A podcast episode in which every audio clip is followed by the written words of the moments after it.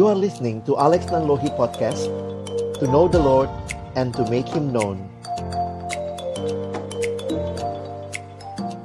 Ah, Yuk kita jawab lagi nih pertanyaan selanjutnya dek Ada yang nanya Hmm. perbedaan cinta dan asmara tuh apa sih bang? Bilang Aduh ini kalau bicara terminologi saya pikir sih kita mesti samain pengertian ya Iya. Bukan cuma istilahnya tapi sebenarnya apa sih yang dimaksud yang dengan dimaksud istilah itu ya, atau eh, apa sih yang dimaksud yang kamu maksudkan Hmm. ketika menulis asmara tuh apa misalnya?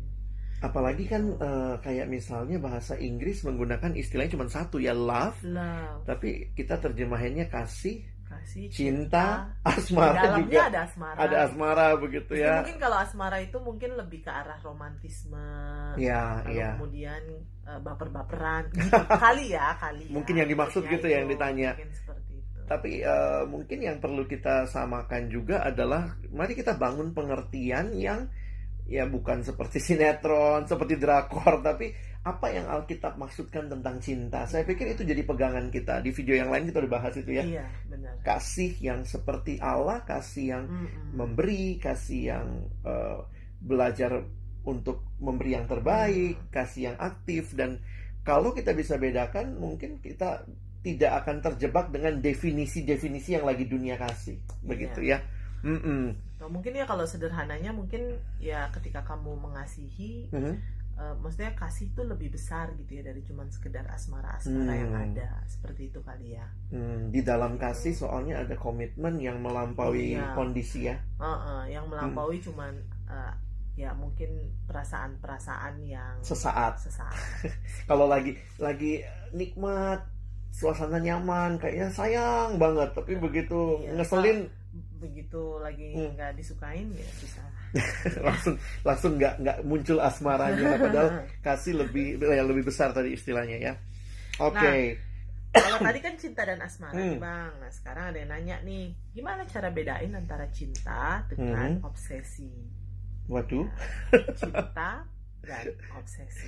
saya sih coba searching searching dikit tadi ya waktu lihat hal ini pokoknya yang yang yang paling membedakan menurut saya adalah entah namanya obsesi atau kita kasih nama apa yang lain tetapi hati-hati ketika itu hanya fokus pada diri kita maka sebenarnya itu cuman mungkin cuma obsesi kali ya Hmm. Sementara cinta atau kasih yang Alkitab ajarkan dan harusnya menjadi kasih bagi setiap kita umat percaya adalah kasih yang orientasinya bukan buat diri kita tapi Hmm, buat memberi orang lain. orang lain begitu.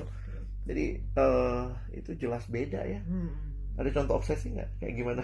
Kalau contoh-contoh praktisnya sih ya kalau misalnya ada Hmm. eh, cowok atau cewek gitu Hmm. ya yang ngejar-ngejar eh, cowok atau cewek Hmm. lain gitu dan ngarepin eh, cintanya padahal sebenarnya udah ditolak gitu. Oke. Ditolak berkali-kali tapi Hmm. terus-menerus dikejar. Nah, itu mungkin perlu dievaluasi tuh. Itu sebenarnya cinta Hmm. atau jangan-jangan cuma obsesi, obsesi. obses untuk dapetin nih cewek atau obses untuk dapetin nih cowok. Hmm, Nah, hmm. sama juga nih kayak ada pertanyaan gitu ya. Iya.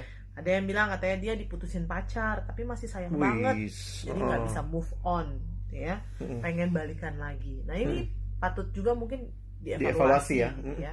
Ini pengen balikan lagi nih karena apa? Karena tanda kutip pengalaman-pengalaman masa lalu terobsesi atau Hmm. dengan pengalaman-pengalaman masa lalu gitu ya, pengen menjalaninya lagi gitu ya. nikmatin, Heeh, disayang, diperhatiin heeh, atau gitu. emang bener-bener bener-bener sayang gitu atau Hmm. jangan cuman ya itu obses yang eh, pokoknya saya mau dapetin dia atau obses eh, pengalaman masa lalu itu yang ter- Hmm. eh, terobsesi oleh pengalaman Hmm. masa lalu yang menyenangkan jadi Oh, mungkin itu juga perlu dievaluasi Perlu dievaluasi ya. gitu Makanya kita mesti lihat bahwa memang cinta itu sesuatu yang komitmen, Yes. action, more than just obsessed dan feeling dan feeling sekedar kita butuh feeling di Iya, dalam iya, di dalam di dalam cinta ya, ya. iya. Iya. Tetapi bagaimana menempatkan feeling itu di dalam konteks yang tepat. yes. Apalagi yang ada kayak Harusnya. Kayak film-film sekarang ya, misalnya ada aja gitu, yuk eh, kita taruhan ya dapetin cewek itu siapa yang dapetin duluan. Jadi kayaknya cuma obses-obses untuk dapat Iya. sesuatu yang memang pada akhirnya buat